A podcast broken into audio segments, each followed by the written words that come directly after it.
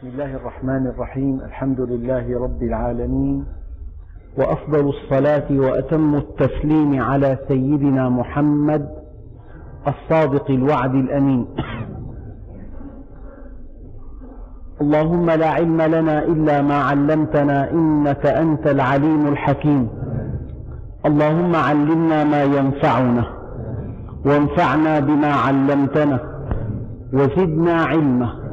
وأرنا الحق حقا وارزقنا اتباعه وأرنا الباطل باطلا وارزقنا اجتنابه واجعلنا ممن يستمعون القول فيتبعون أحسنه وأدخلنا برحمتك في عبادك الصالحين.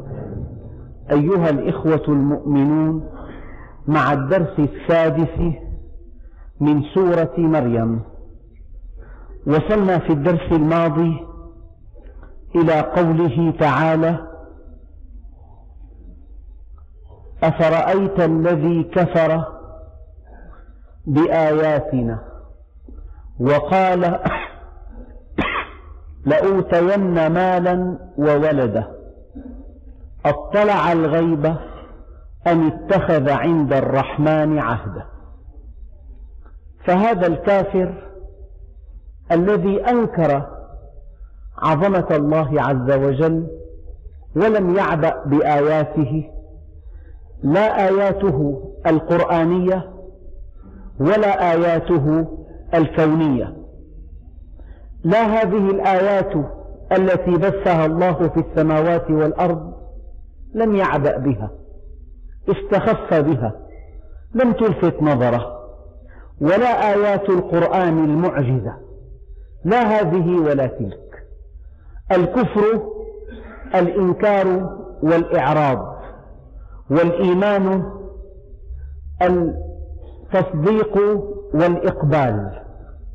المؤمن يصدق بآيات ربه الكونية والقرآنية ويقبل عليه والكافر يكذب بآيات ربه الكونية والقرآنية ويعرض عنه.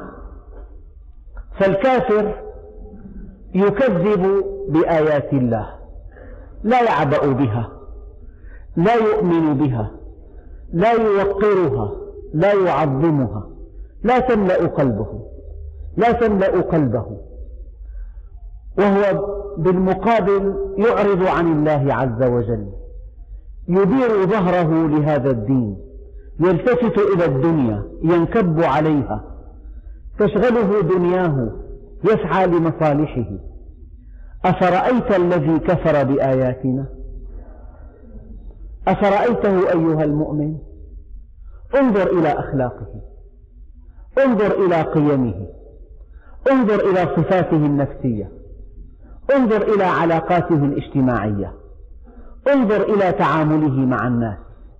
انظر إلى الكبر الذي سيطر عليه. انظر إلى العجب الذي استحوذ على لبه. انظر إلى حبه لذاته. انظر إلى بغضه للآخرين. انظر إلى قسوة قلبه. انظر إلى إخلافه مواعيده. انظر إلى أخذه ما ليس له. انظر إلى بذاءته. انظر إلى حقارته. انظر أفرأيت الذي كفر؟ يعني أرأيت الذي يكذب بالدين فذلك الذي يدع اليتيم؟ هذا الترابط الوجودي بين الكفر وبين الانحراف. فإن لم يستجيبوا لك فاعلم أنما يتبعون أهواءهم. أفرأيت أيها المؤمن يدعم هذه الآية آية أخرى؟ أفرأيت الذي ينهى عبدا إذا صلى؟ انتهت الآية. يعني هل نظرت إليه؟ هل نظرت إلى أخلاقه؟ هل نظرت إلى علاقاته؟ إلى معاملته؟ إلى صفاته؟ إلى قيمه؟ أفرأيت الذي كفر بآياتنا؟ جعل الدين وراء ظهره. جعل هذا القرآن العظيم مهجورا. لم يرى في هذا القرآن نظاما معجزا شاملا كاملا يصلح للتطبيق في كل مكان وزمان. رآه كتابا انقضى وقته وانتهى زمنه ولا ولا يصلح لهذا الزمان. أفرأيت الذي كفر بآياتنا؟ هذا الترابط أيها الإخوة. قال عليه الصلاة والسلام الناس رجلان. بر تقي كريم على الله.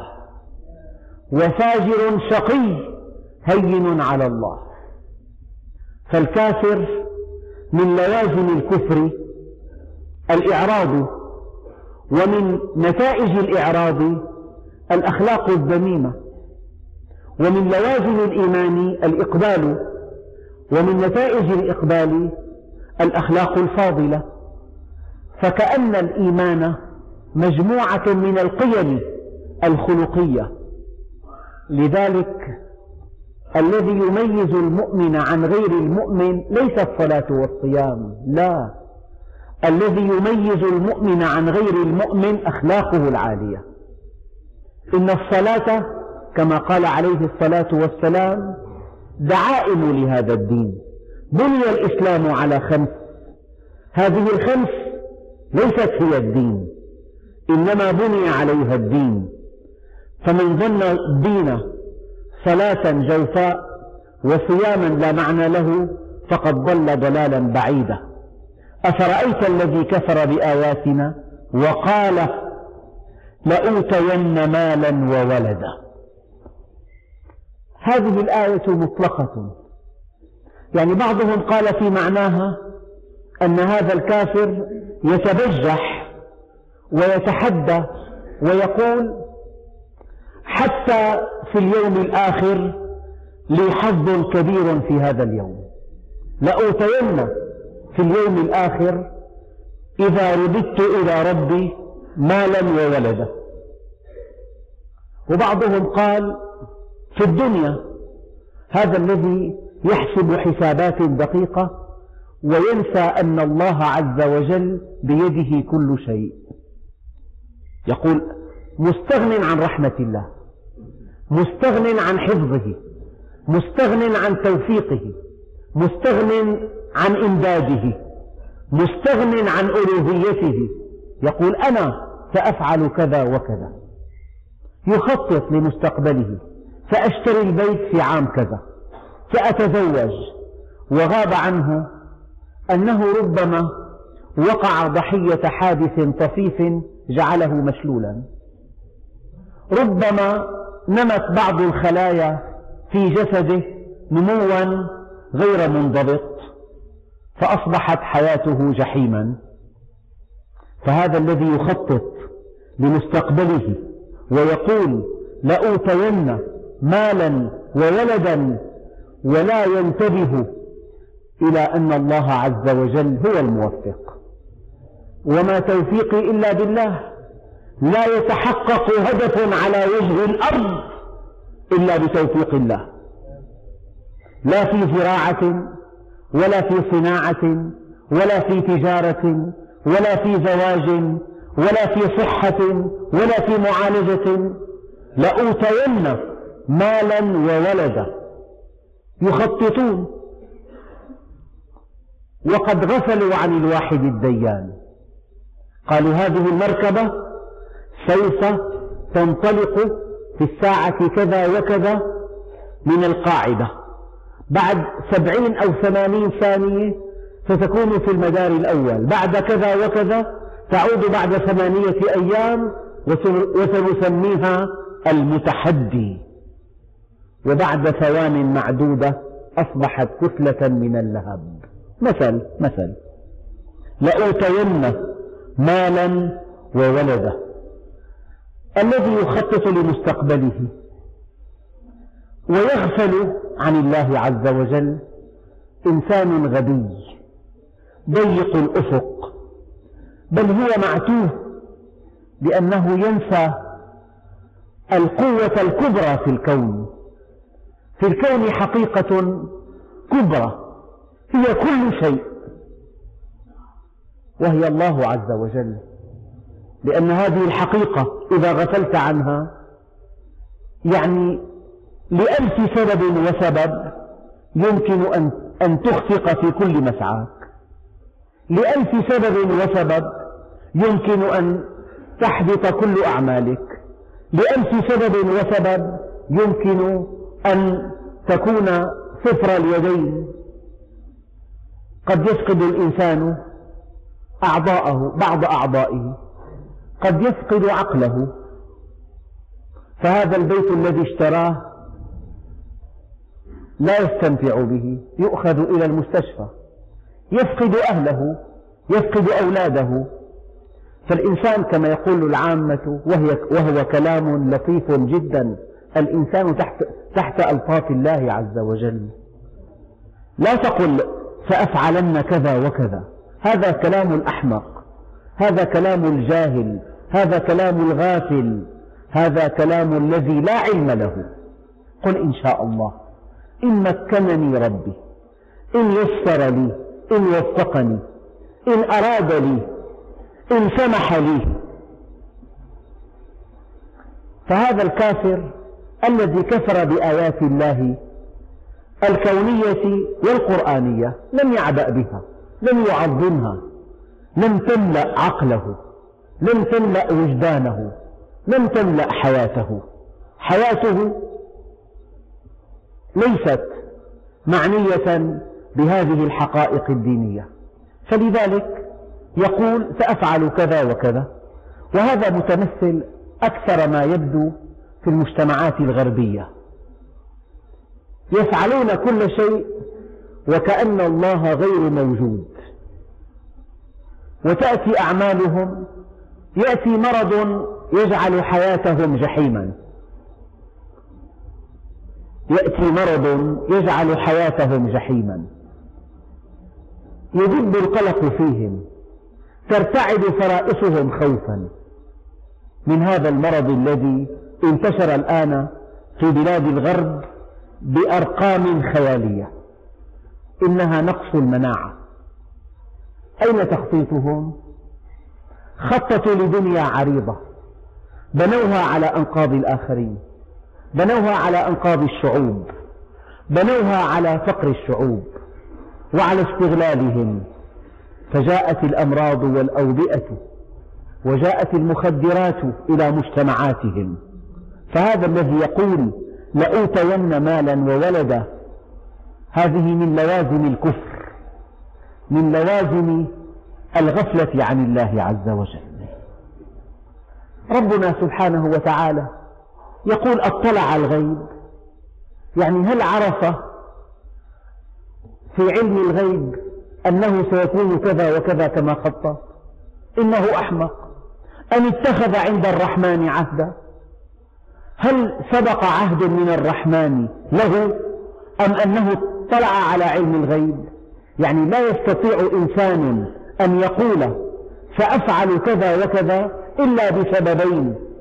أن يكون قد اطلع على علم الغيب الذي هو من عند الله والذي لا يعطيه الله عز وجل لا يعطيه الله عز وجل إلا لمن يصطفي من أنبيائه. عالم الغيب والشهادة فلا يظهر على غيبه أحدا إلا من ارتضى من رسول. اطلع الغيب لا يعلم الغيب إلا الله. وكل من يزعم أنه يعلم الغيب فهو كذاب. قل لا أعلم الغيب هكذا قال عليه الصلاة والسلام. لا أعلم الغيب. ولو كنت أعلم الغيب لاستكثرت من الخير. وما مسني السوء إن أنا إلا نذير وبشير لقوم يؤمنون. إذا كان النبي عليه الصلاة والسلام وهو ما هو وهو من هو في رفعة الشأن إنه قمة البشر إنه سيد ولد آدم إنه سيد الأنبياء والمرسلين ومع ذلك لا يعلم الغيب. فمن يدعي ممن دونه أنه يعلم الغيب فهو كذاب. اطلع الغيب حتى يصح أن يقول هذا الكلام لأوتين مالا وولدا. أله علم بأن المستقبل سيكون كما أراد؟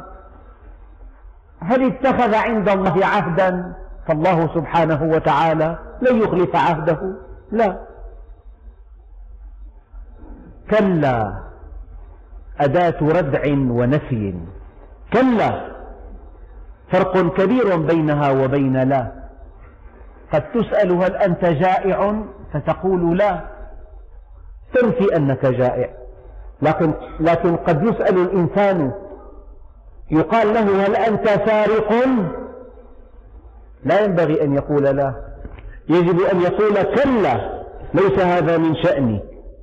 إن الذي يقول كلا ليس ينفي فقط بل ينفي ويردع السائل.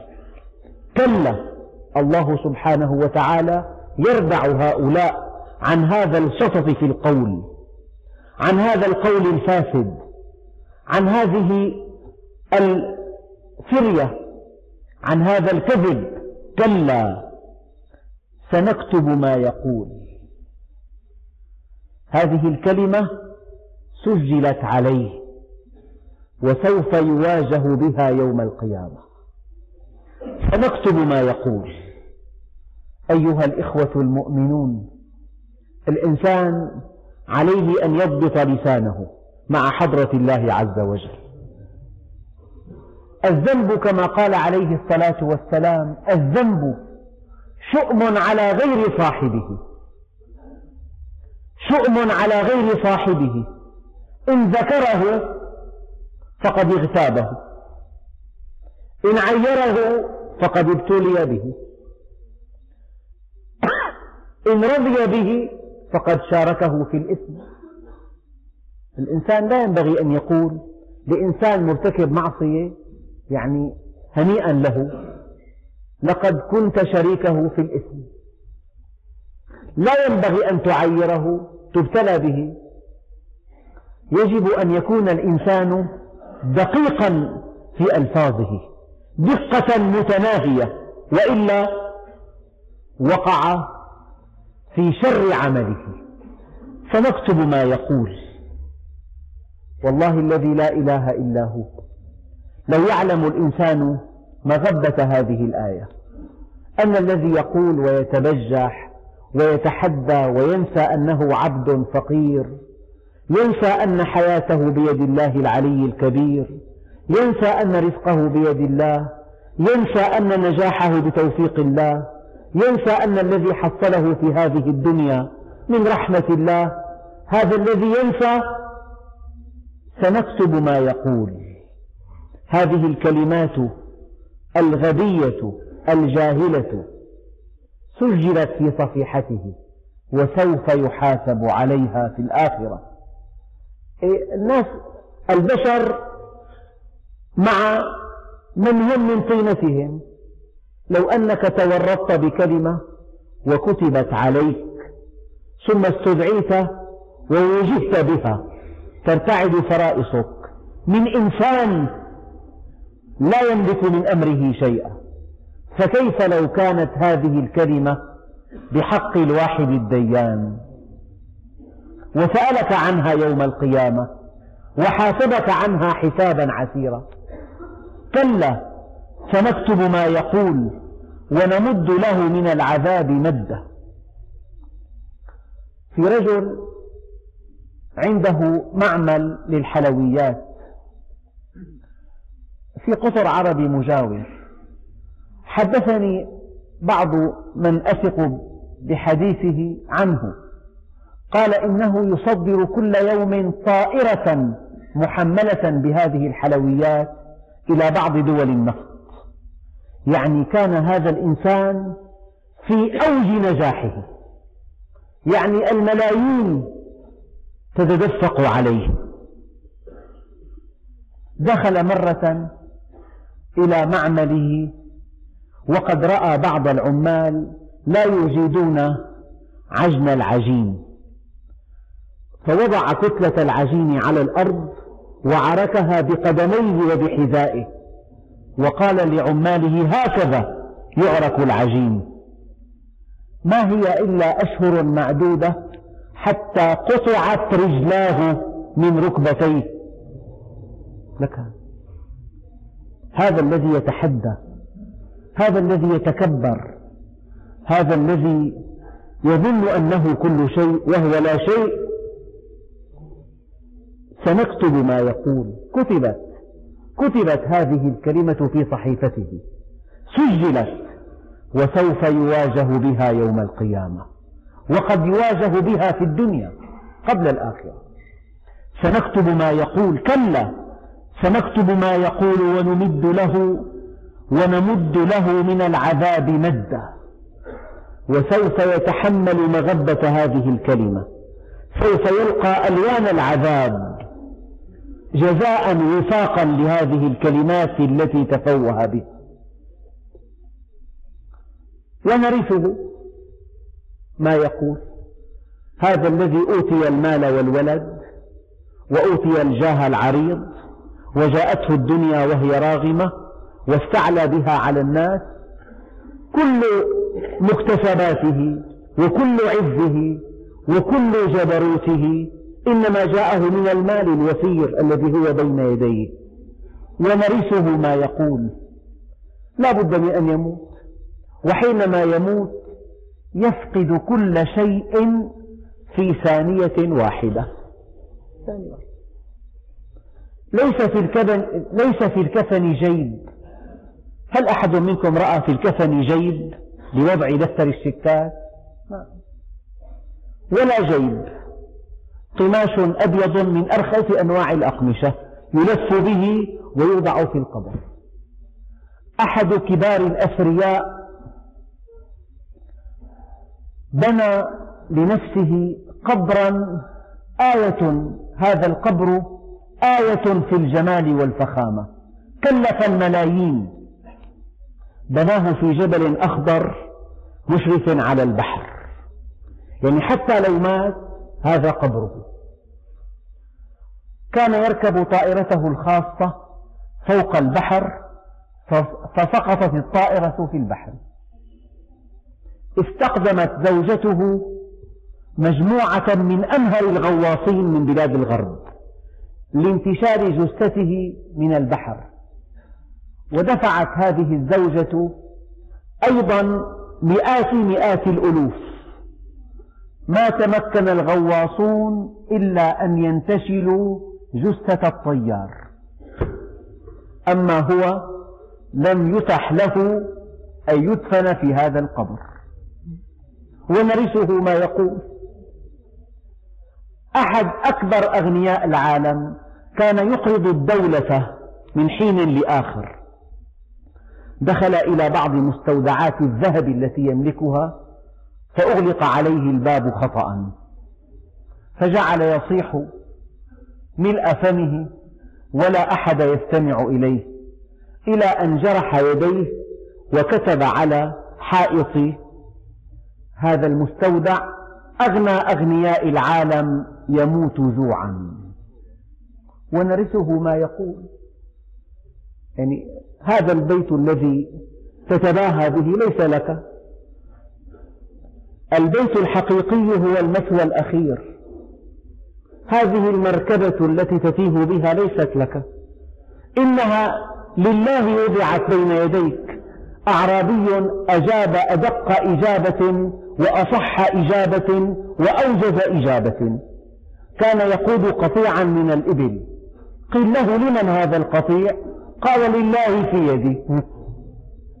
يعني هذا البيت لله تسكنه أنت الآن. ليس لك. والدليل لا بد من أن يخرج أحدنا من بيته بشكل أفقي دون أن يعود. والذي يعد بطلا ليتحدى ولا يخرج من بيته.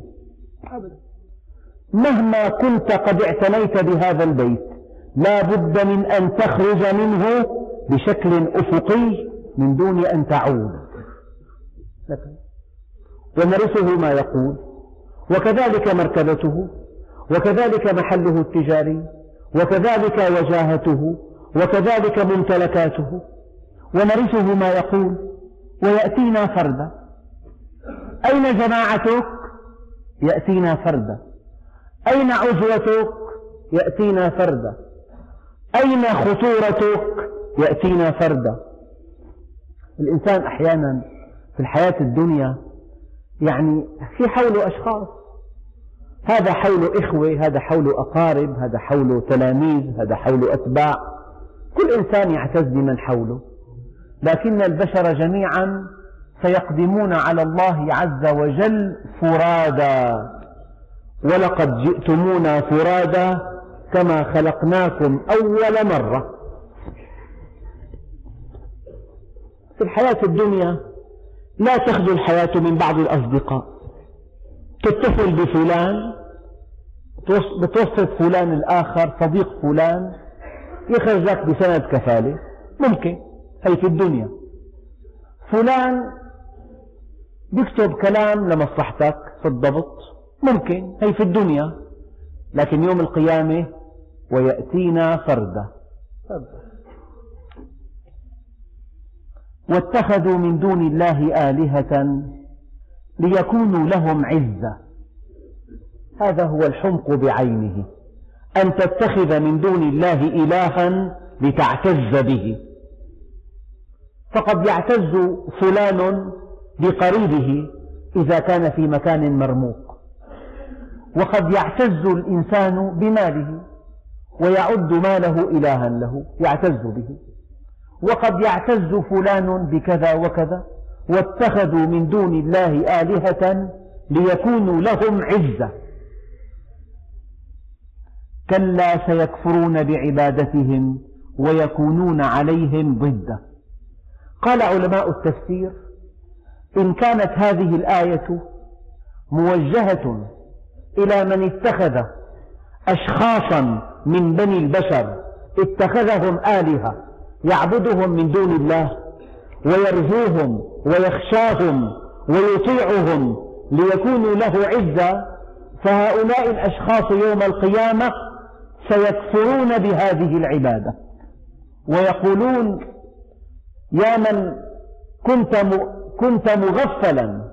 نحن بشر مثلك. لا نستحق العبادة. نحن ضعاف.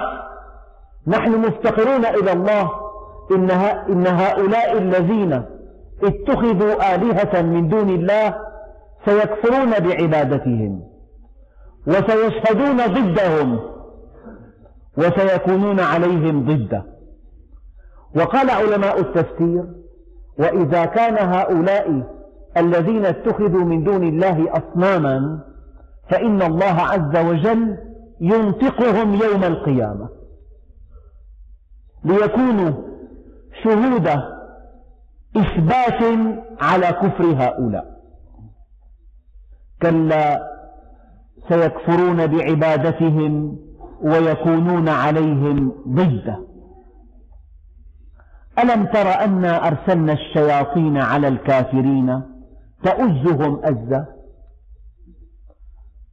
معنى تؤزهم أي تهيجهم تستفزهم تحرضهم.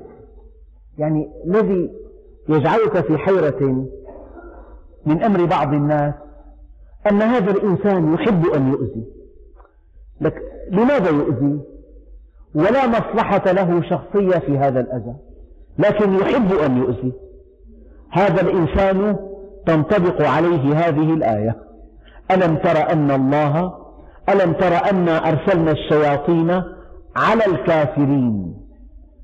لو أن الله عز وجل قال ألم تر أنا أرسلنا الشياطين عليهم لكان هذا المعنى غير مستقيم. لكن الله عز وجل يقول ألم تر أنا أرسلنا الشياطين على الكافرين؟ يعني بعد أن كفروا واختاروا الكفر بمحض اختيارهم استحقوا أن تأتيهم الشياطين ليؤذوهم أزة فعندئذ تجد الكافر لا هم له إلا إيذاء الناس. يؤذيهم يسلبهم بعض ممتلكاتهم يأخذ ما عندهم يوقع بهم الضرر.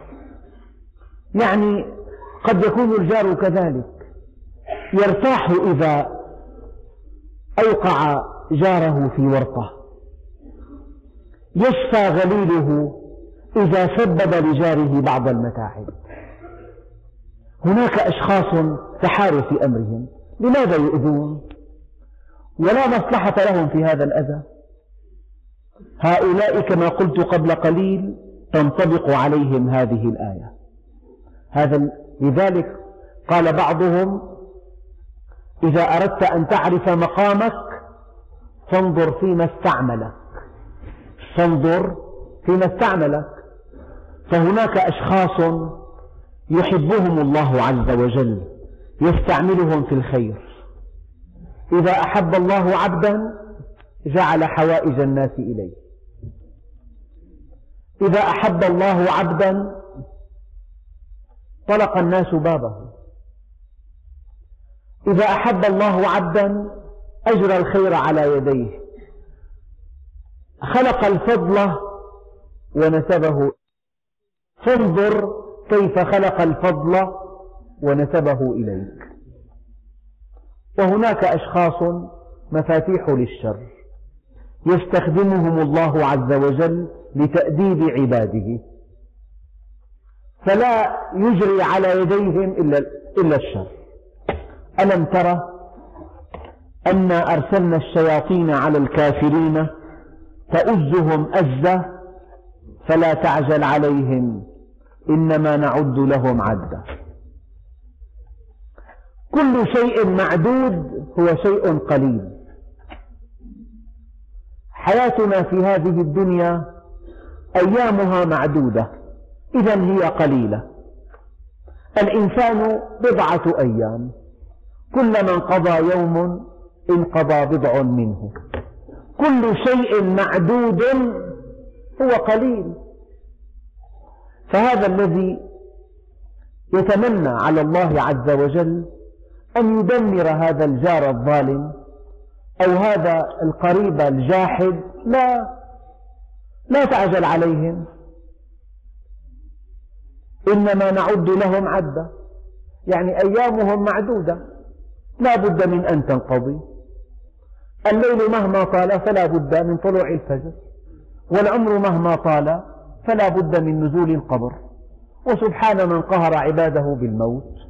كل ابن أنثى وإن طالت سلامته يوما على آلة حدباء محمول فإذا حملت إلى القبور جنازة فاعلم بأنك بعدها محمول. واعلموا أن ملك الموت قد تخطانا إلى غيرنا وسيتخطى غيرنا إلينا فلنتخذ حذرنا. قضية سهلة محسومة واضحة. فلا تعجل عليهم. إنما نعد لهم عدة. يعني أحيانا تستخدم بعض العبارات. يقول لك فلان انتهى لكن القضية قضية وقت. يعني بقي له أيام معدودة. أحيانا يقول الطبيب هكذا انتهى. يعني بقي له أيام. ميؤوس من شفائه. فهذا الذي أعرض عن الله عز وجل وركب رأسه وعصى ربه وجحد نعمته وتنكب طريق الحق وأراد أن يطفئ نور الله. الإنسان قد يقول ليس الله يهلكه لا. فلا تعجل عليهم. له عند الله أجل لا ينقص ولا يزيد. ولولا كلمة سبقت من ربك لكان لزاما لزاما هلاك الكفار. ولولا كلمة سبقت من ربك لكان لزاما وأجل مسمى. وأجل مسمى. فلا تعجل عليهم إنما نعد لهم عدة. يوم نحشر المتقين إلى الرحمن وفدا. ما هذا التبجيل؟ ما هذا التكريم يا رب العالمين؟ هؤلاء المتقون يذهبون إلى الرحمن وفدا.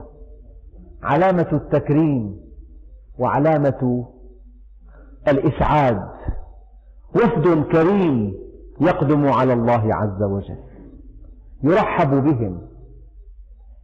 يقال لهم سلام عليكم طبتم فادخلوها خالدين.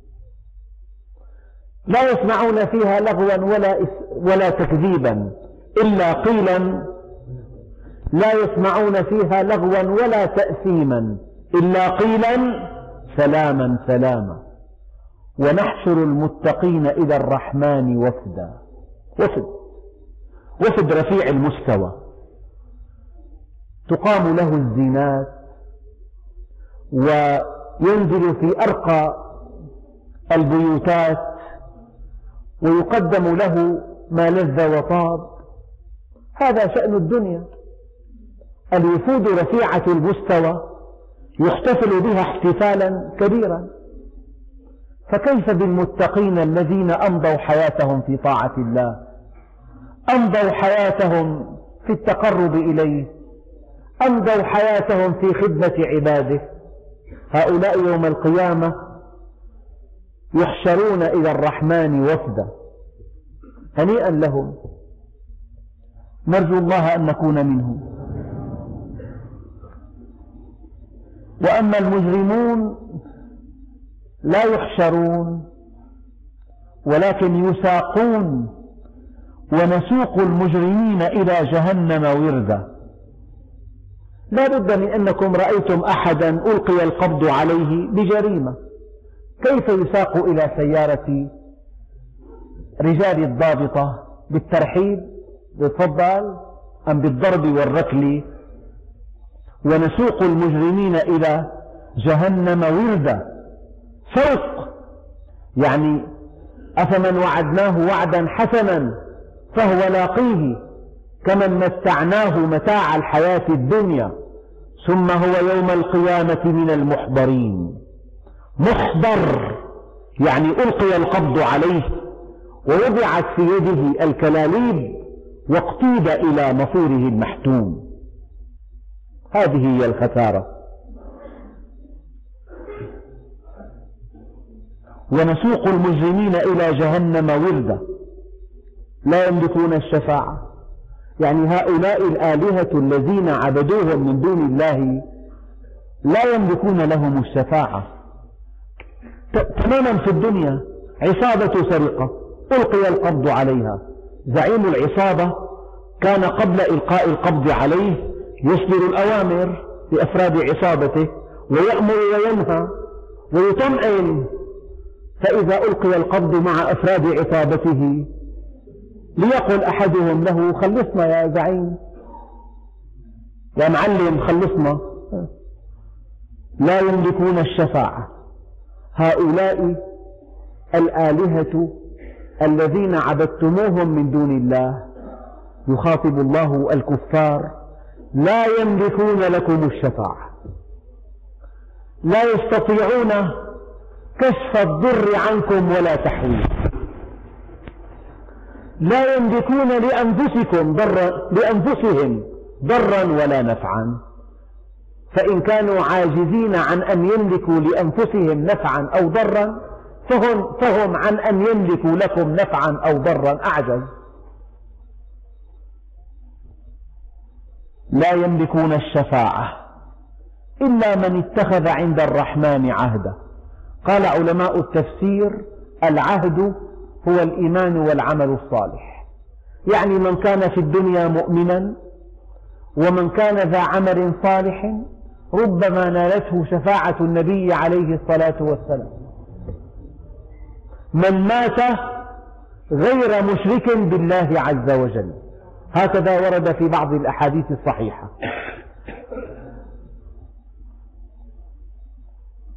وقالوا العرب قالوا إن البنات إن الملائكة بنات الله. واليهود قالوا العزير ابن الله والنصارى قالوا المسيح ابن الله وقالوا اتخذ الرحمن ولدا. لم يتخذ الرحمن ولدا؟ أهو كالبشر يحتاج إلى من يخلد ذكره؟ أهو كالبشر في سنه في خريف العمر يحتاج إلى من يساعده. سبحانه وتعالى عما يقولون علوا كبيرا. وقالوا اتخذ الرحمن ولدا.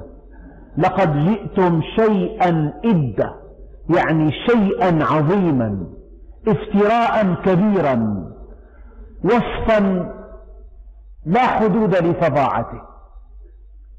لقد جئتم شيئا إدا تكاد السماوات يتفطرن منه.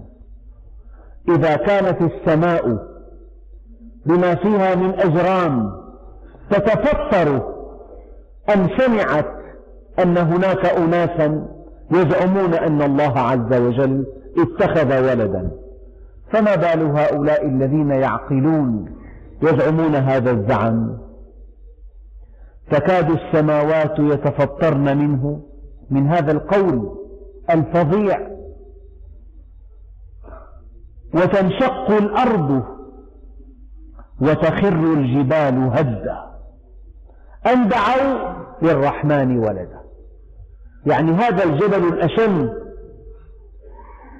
لو سمع أن هناك من يدعي أن الله عز وجل قد اتخذ ولدا إن هذا الجبل ينهد ويصبح ركاما.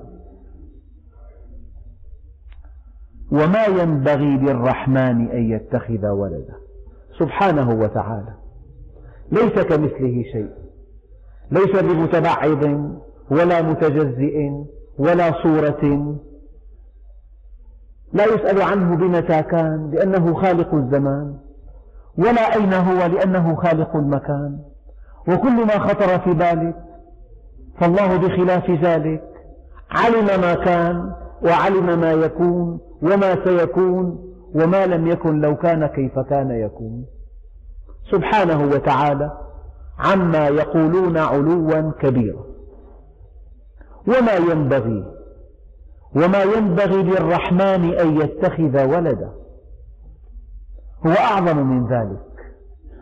ليس كمثله شيء. هو فوق كل شيء. وليس تحته شيء. وهو في كل شيء لا كشيء في شيء. ليس كمثله شيء. إن كل من في السماوات والأرض إلا آتي الرحمن عبدا بما فيهم سيدنا المسيح عيسى بن مريم. سيأتي الرحمن عبدا بما فيهم العزير سيأتي الرحمن سيأتي الرحمن عبدا لقد أحصاهم وعدهم عدا هؤلاء البشر معنى أحصاهم أي أحاط بهم. وقد عدهم عدة. يعني أحيانا إنسان بيهرب من مكان عمله بيوقع عنه رفيقه يرفع الدوام للمدير يرى أن الكل في دوامهم كالمعتاد والأمور تجري على ما يرام ويكون أحد هؤلاء قد خرج قبل نهاية الدوام.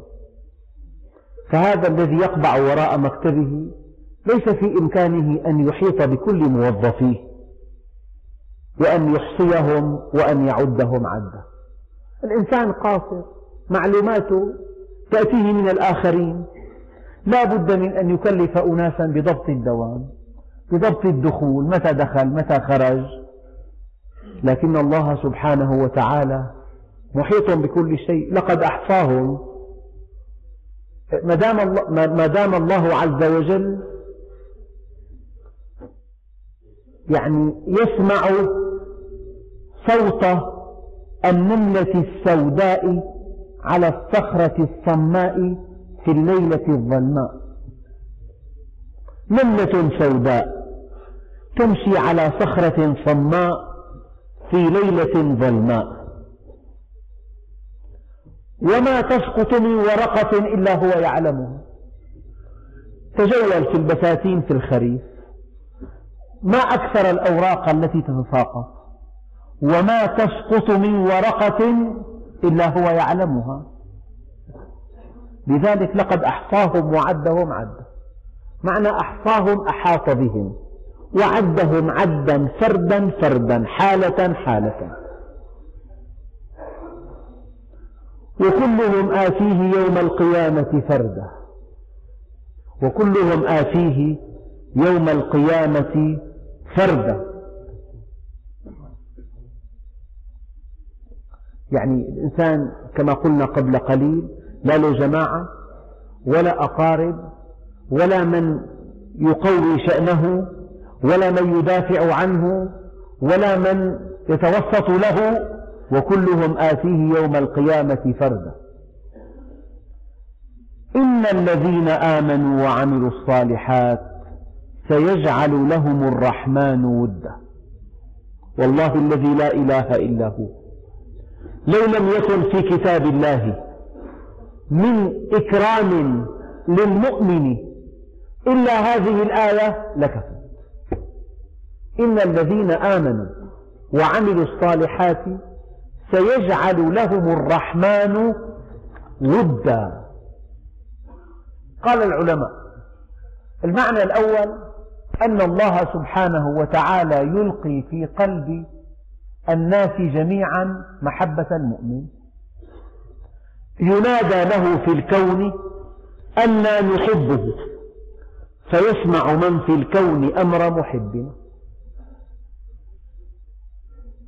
وبعضهم وبعضهم يقول إن المودة هنا تعني تحقيق ما يحب فكل مؤمن يحب أن يلقى الله يحب أن يدخل الجنة يحب رضوان الله. الله سبحانه وتعالى سيؤتيه سؤله. والمعنى الثالث أن الذين آمنوا وعملوا الصالحات سيجعل لهم الرحمن ودا. يعني هذه المودة بين الله وبين المؤمنين أثمن ما في الوجود. يا أبا بكر يا محمد جبريل عليه السلام. جاء سيدنا محمد. قال له يا محمد قل لصاحبك إن الله راض عن أبي بكر. فهل هو راض عن الله؟ إن الذين آمنوا وعملوا الصالحات سيجعل لهم الرحمن ودا. إذا إن الذين آمنوا وعملوا الصالحات سيجعل لهم الرحمن ودا. فالمودة مطلقة. إما أنها بينك وبين الناس. يجعل الله عز وجل قلوب الناس تهفو إليك. يحبونك ويعجبون لهذه المحبة. لأن الله عز وجل تجلى عليك. فجعل القلوب تهفو إليك. أنت كمؤمن هكذا. يحبك الناس. ومن علامة صدق إيمانك محبة الناس لك. ومن علامة النفاق بغض الناس لك. علامة الإخلاص محبة الناس. ألسنة الخلق أقلام الحق. إذا إن الذين آمنوا وعملوا الصالحات سيجعل لهم الرحمن ودا. المؤمنون بعضهم لبعض نصحة متوادون. ولو ابتعدت منازلهم والمنافقون بعضهم لبعض غششة متحاسدون ولو اقتربت منازلهم.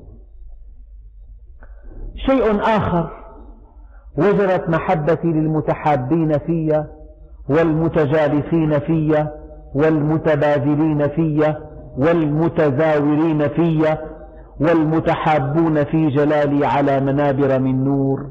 يغبطهم عليها النبيون يوم القيامة. المعنى الأول.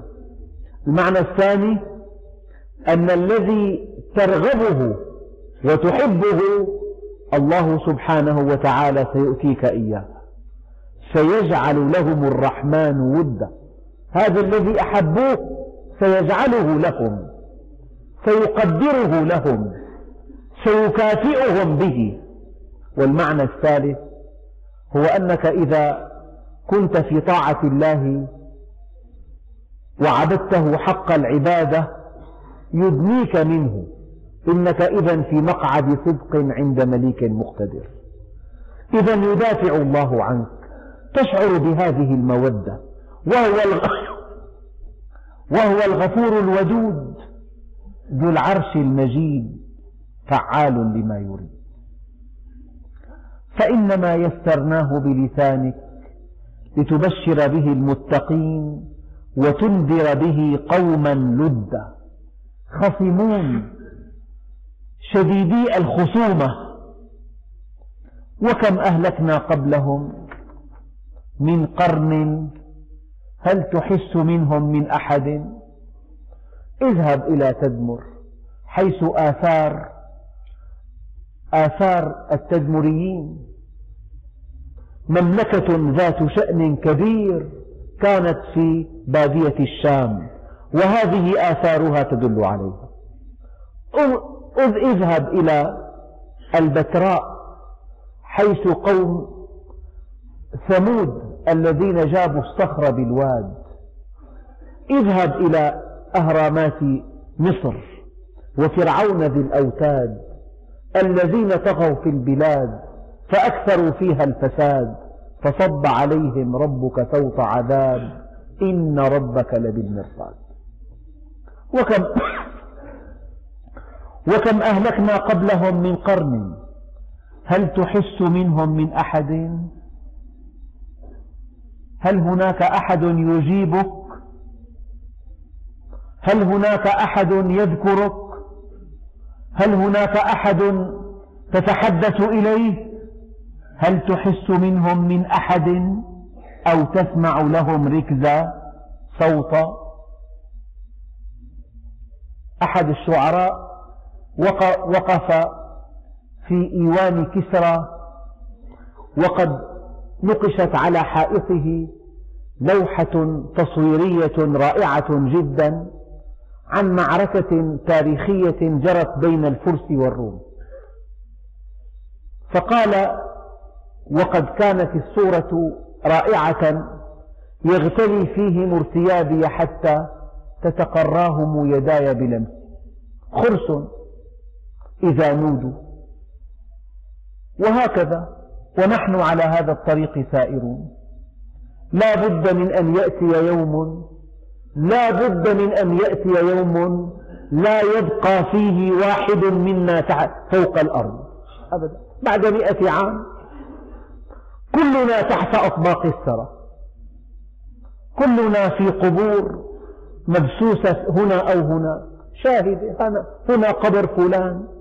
كان إنسانا كان موظفا كان تاجرا كان عالما كان ذا شأن كبير كان أديبا كان مؤرخا كان مهندسا كان طبيبا. أين هم؟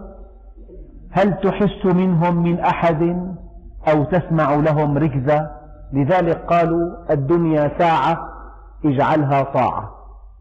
والنفس طماعة عودها القناعة. والحمد لله رب العالمين. الرحمن الرحيم.